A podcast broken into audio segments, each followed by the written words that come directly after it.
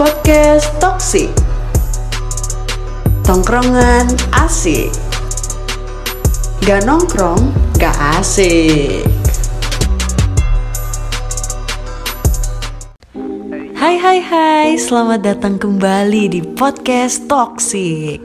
Gak nongkrong, gak asik. Dan tentunya masih sama aku, Anindya Salsa Yang selalu setia nemenin kalian semua Nah, di episode ketiga ini aku pengen bahas soal percintaan. Ya, siapa tahu relatable lah ya sama kisah percintaan kalian. Oh iya, kalau di episode kemarin aku sendirian doang, sekarang aku udah datengin someone special. Tapi cuma someone special for me ya, nggak boleh jadi someone special buat yang lain. Wah. Dia adalah seorang kekasih hati dari podcaster podcast toxic ini. Hai, Caile. Langsung aja kita sambit. Eh, kita sambut. Sayangku. Eh, bukan ya. Maksudnya Fauzan Galinugraha. Coba kenalin diri dulu dong.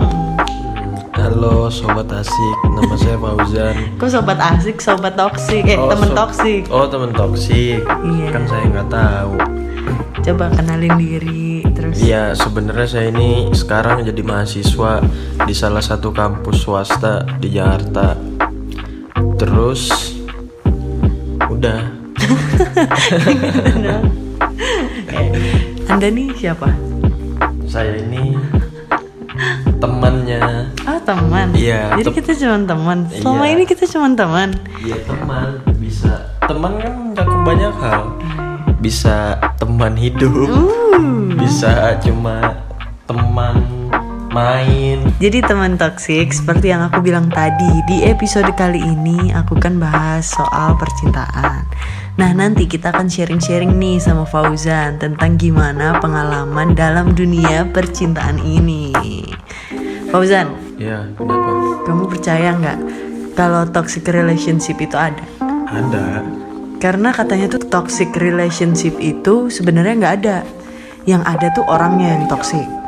Karena nih ya, kalau kita ada di hubungan yang toxic, itu kan udah kesepakatan kedua belah pihak ya.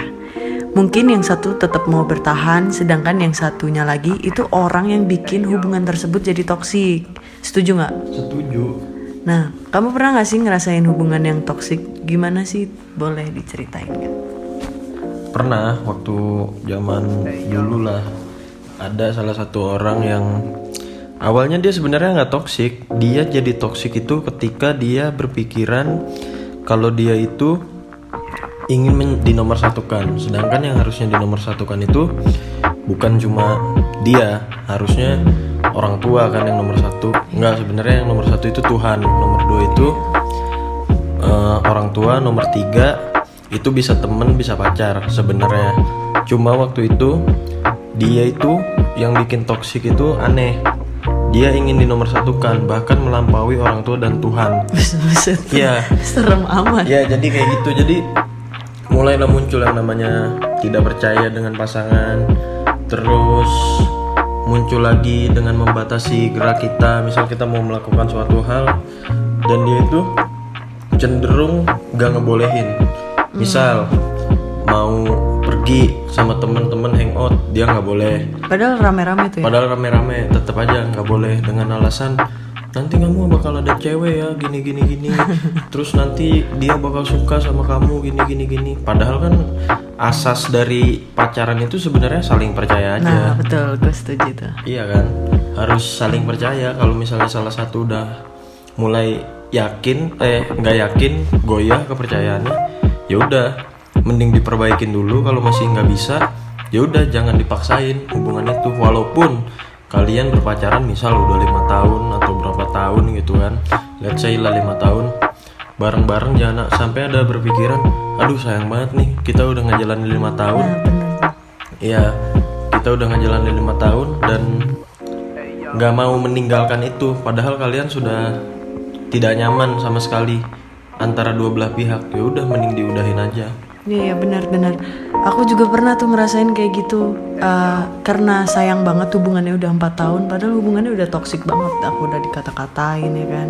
Tapi mungkin di satu sisi aku kayak mikir, waduh bikin hubungan lama kayak gini tuh susah loh bisa bertahan sampai empat tahun ini susah loh masa gue udah ini begini-begini aja nah makanya eh, kadang suka terjebak gak sih sama toxic relationship itu karena ya mindset tadi udah udah terlanjur lama atau apa? Iya benar. Cuma harusnya mindset itu tuh udah mulai dirubah gitu. Karena kan kita udah mulai beranjak dewasa gitu. Mungkin waktu dulu zaman SMA ya kita berpikiran dia tuh bener-bener orang yang nomor satu. Nggak akan ada orang yang lebih dari dia. Padahal sebenarnya banyak di luar sana yang lebih dari dia. Cuma eh, yang harus digarisbawahi itu sebenarnya asas kenyamanan doang sih.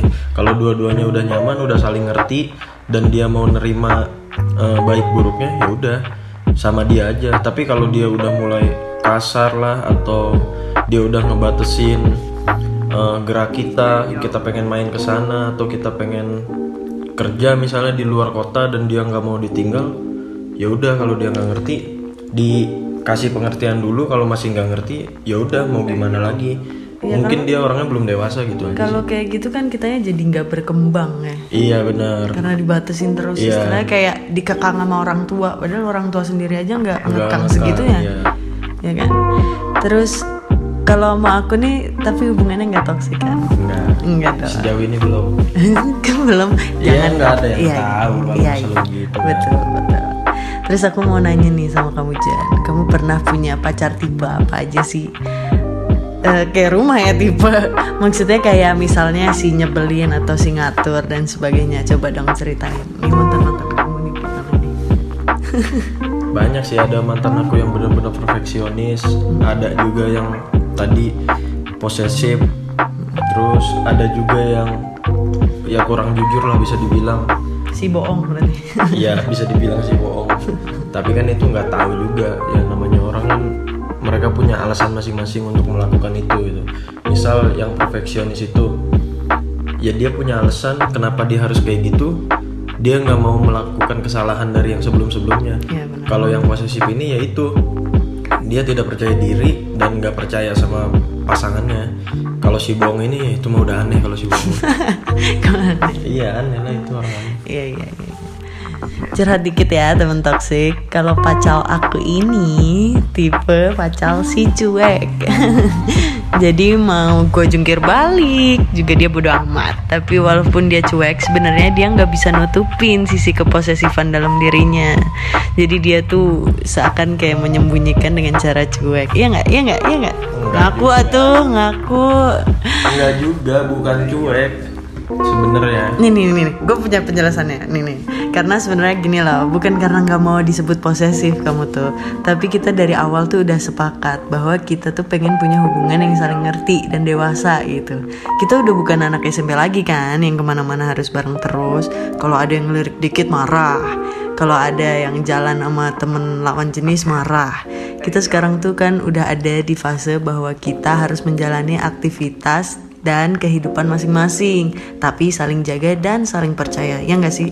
Iya benar. Ya, karena hubungan itu tuh kan suatu kesepakatan, benar kayak eh, antara satu sama yang lain tuh udah punya kesepakatan gitu.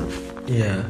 Dan kita juga kan udah punya tujuan gitu. Kita mau kita mau jadi apa dan ya udah masing-masing lakuin aja goalsnya tuh apa. Tapi dengan bareng-bareng gitu. Jadi kita bisa melihat prosesnya bareng. Bukan orang yang tiba-tiba kita udah di atas terus baru dia masuk ke kehidupan kita. Ya apa ya? Takutnya itu dia cuma melihat dari kesuksesan kita doang. Oh iya benar. Iya, jadi sebenarnya lebih enak bareng-bareng sih. Dari cuma, awal. ya cuma nggak salah juga kalau misalnya kita udah di atas, terus tiba-tiba kita udah mulai jenuh kan sama karir, ya kita pengen nyari pasangan, nggak masalah juga sebenarnya. Cuma ya lebih selektif aja sih. Takutnya ada yang cuma eh, apa ingin kondisi di atas, terus ketika kita kondisi di bawah, dia nggak mau terima, Ninggalin dia ya. ninggalin. Nah itu yang harus di apa yang harus dihindari soalnya kan itu bakal ngerusak ke mental kita juga sebenarnya Iya. Aku aku sih punya temen ya kemarin habis curhat sama aku. Dia itu insecure lah istilahnya. Karena gini, eh, ini bukan nyindir siapa-siapa ya. Maksudnya insecure dalam arti gini. Dia kan cewek nih yang cerita sama aku. Iya. Nah cowoknya itu dia udah berkembang lah istilahnya. Hmm. Dia kayak em, udah punya kegiatan, udah punya gaji gitu-gitu. Padahal dia masih kuliah, tapi dia sana sini gitu. Nah si cewek ini tuh kayak dia insecure. Gue kok gini-gini terus. Tapi justru aku nasehatin gitu kamu nggak boleh kayak gini terus. Karena kalau kamu insecure kayak gini terus itu malah jadi uh, bumerang buat hubungan mereka sendiri ya nggak sih? Karena kan apa ya dia bisa harusnya kayak mikir oh dia udah berkembang berarti gue harus mulai langkah juga nih dari walaupun dia masih jauh ya uh, apa namanya apa tangganya? Iya tangganya tuh masih jauh sama pasangannya. Pasangannya udah istilahnya udah sukses lah. Si cewek ini insecure. Padahal si pasangan ini tuh nggak nuntut apa-apa sama dia. Iya, Cuman dia tuh kadang malah jadi bawa stres sendiri. Mhm. Kayak aduh kok gue cuman diem-diem aja gitu. Gimana sih tanggapan gimana ya? Sebenarnya dia insecure juga sebenarnya nggak salah juga. Cuma kalau bisa sih jangan. Maksudnya boleh insecure dengan diri sendiri yang kita kurang berkembang. Tapi jangan pernah bawa itu ke, ke, hubungan Iya. ya karena bakal bikin dia berantem terus padahal nggak ada masalah Iya, sama sekali di situ Bukan, bukan malah jadi masalah yang besar Iya. sebenarnya baik-baik aja Iya, tapi kalau insecure untuk kita mengintrospeksi diri itu mas ih, nggak masalah Malah sebenarnya. bagus ya. Malah bagus. Berarti dia ada pemikiran, oh gue jangan sampai gue kalah sama pasangan gue. Ya itu sebenarnya nggak masalah juga sih insecure itu buat temennya kamu itu nggak masalah sebenarnya. Cuma ya itu insecure jangan sampai dibawa ke hubungan. Kalau udah dibawa ke hubungan udah, Dan terus-terusan ya gitu. nanti bakal timbul masalah, masalah, masalah, masalah yang baru. Gitu. malah jadi nggak nyaman hubungannya Iya. kalau kayak gitu ya benar-benar. ya udah nah setelah kita sharing-sharing tentang experience masing-masing sekarang aku punya games nih nama gamesnya ya kok dia mukanya terkejut guys nggak ada konfirmasi bahwa akan ada games jadi nama gamesnya ini wajib jawab Nah, boleh. Nah, jadi rulesnya di sini adalah aku udah siapin pertanyaan khusus nih buat kamu. Kalau kamu bersedia buat jawab pertanyaan itu, kamu boleh langsung jawab aja. Tapi kalau kamu nggak bersedia buat jawab pertanyaan itu, kamu bisa ucapin mantra. Mau tau nggak mantranya apa? Wes wes wes bablas lambe deh. Coba bisa nggak? Wes wes wes bablas lambene. Eh, harus medok tuh. Nggak bisa, aku bukan orang Jawa. ya itu itu mantra dalam bahasa Jawa yang intinya eh, mulutnya tuh lewat kan karena dia nggak mau jawab gitu udah ngerti kan Ya. jadi setelah kamu sebutin mantra itu kan kamu nggak mau jawab nih kamu sebutin mantra tadi wes wes wes bablas lambene terus kamu harus minum 5 teguk air putih yang udah aku sediain di sini jadi semakin kamu nggak mau jawab semakin kembung perut kamu ya Ya, oke setuju Oke, setuju. Setuju. Oke. Kita mulai ke pertanyaan yang pertama. Hmm. Nih, pertanyaan pertama. Dalam hal percintaan, apa hal yang paling berkesan buat kamu? Kalau ini sih, kalau pacar kita udah mulai akrab sama eh, orang tua kita, Hmm, itu yang iya berkesan. itu udah berkesan sih harusnya. Oke. Ini masih pertanyaan gampang. pertanyaan yang kedua. Apa hal yang paling menyenangkan yang sudah dilakuin sama mantan kamu? Eh, Mau jawab atau Apa hal yang paling menyenangkan? Iya, hal yang paling menyenangkan yang udah dilakuin sama mantan kamu. Hmm, Sama mantan. Ya, dia jawab. apa ya? Bingung juga aku. ya udah minum. Bingung, bingung apa gitu yang udah bikin menyenangkan tuh apa? Soalnya ya gitu-gitu aja monoton. Ya paling ini sih dia lebih membuka gitu. Membuka diri aku tuh siapa, udah itu aja paling. Oke. Kalau disuruh milih balikan sama mantan pas SMA atau mantan pas kuliah? Suruh milih. Mending sama mantan yang SMA sih. Oh. Ih kok nggak ada yang minum sih nggak seru minum dong nggak usah jawab nanti ini rulesnya nggak harus jawab lah. Ih, nanti rulesnya nggak berlaku dong nggak seru jadinya apa hal yang bikin kamu kesel banget saat jalan sama aku Jadi ini sih jadi perhatian orang. kok gitu emang Iya, kenapa Kesel sebenarnya cuma ya udah nggak apa-apa. Soalnya kan kamu cantik jadi diliatin orang lain gak suka aku sebenarnya. Tapi ya udah. Tuh kan guys, sebenarnya dia tuh posesif tapi dia tuh berlagak cuek. Oke, selanjutnya kamu paling cemburu kalau aku lagi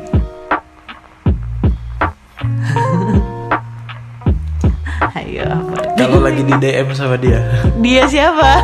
adalah komodo aja. Kok ada? Dia siapa?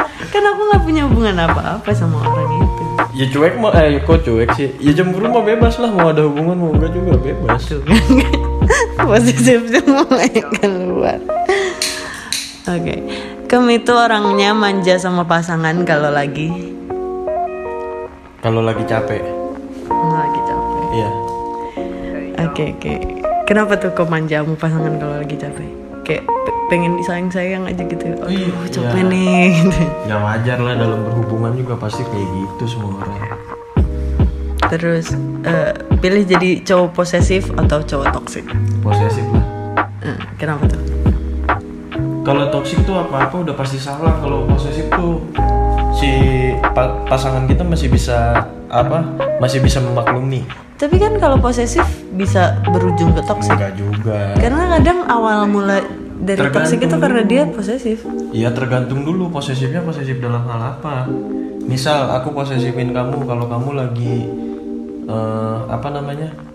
lagi insecure misalnya atau kamu lagi merasa diri kamu gagal terus aku posesifin kayak kamu tuh nggak boleh gitu bla bla bla ya itu kan posesif juga jatuhnya sebenarnya kan itu hak kamu juga kamu mau apa mau insecure mau apa itu hak kamu cuma aku melarang kamu di situ ya itu posesif juga lah nggak semua posesif itu toxic Oke. Yang terakhir, pertanyaan yang terakhir. Pilih aku atau aku? Pilih aku. Enggak aku pilih ibu aku Oh iya, dia pilih ibu dia. ya, nggak seru banget nih, nggak ada yang minum nih. Udah udah Ini disediain. juga sambil minum kok Kan biar kembung gitu. ya.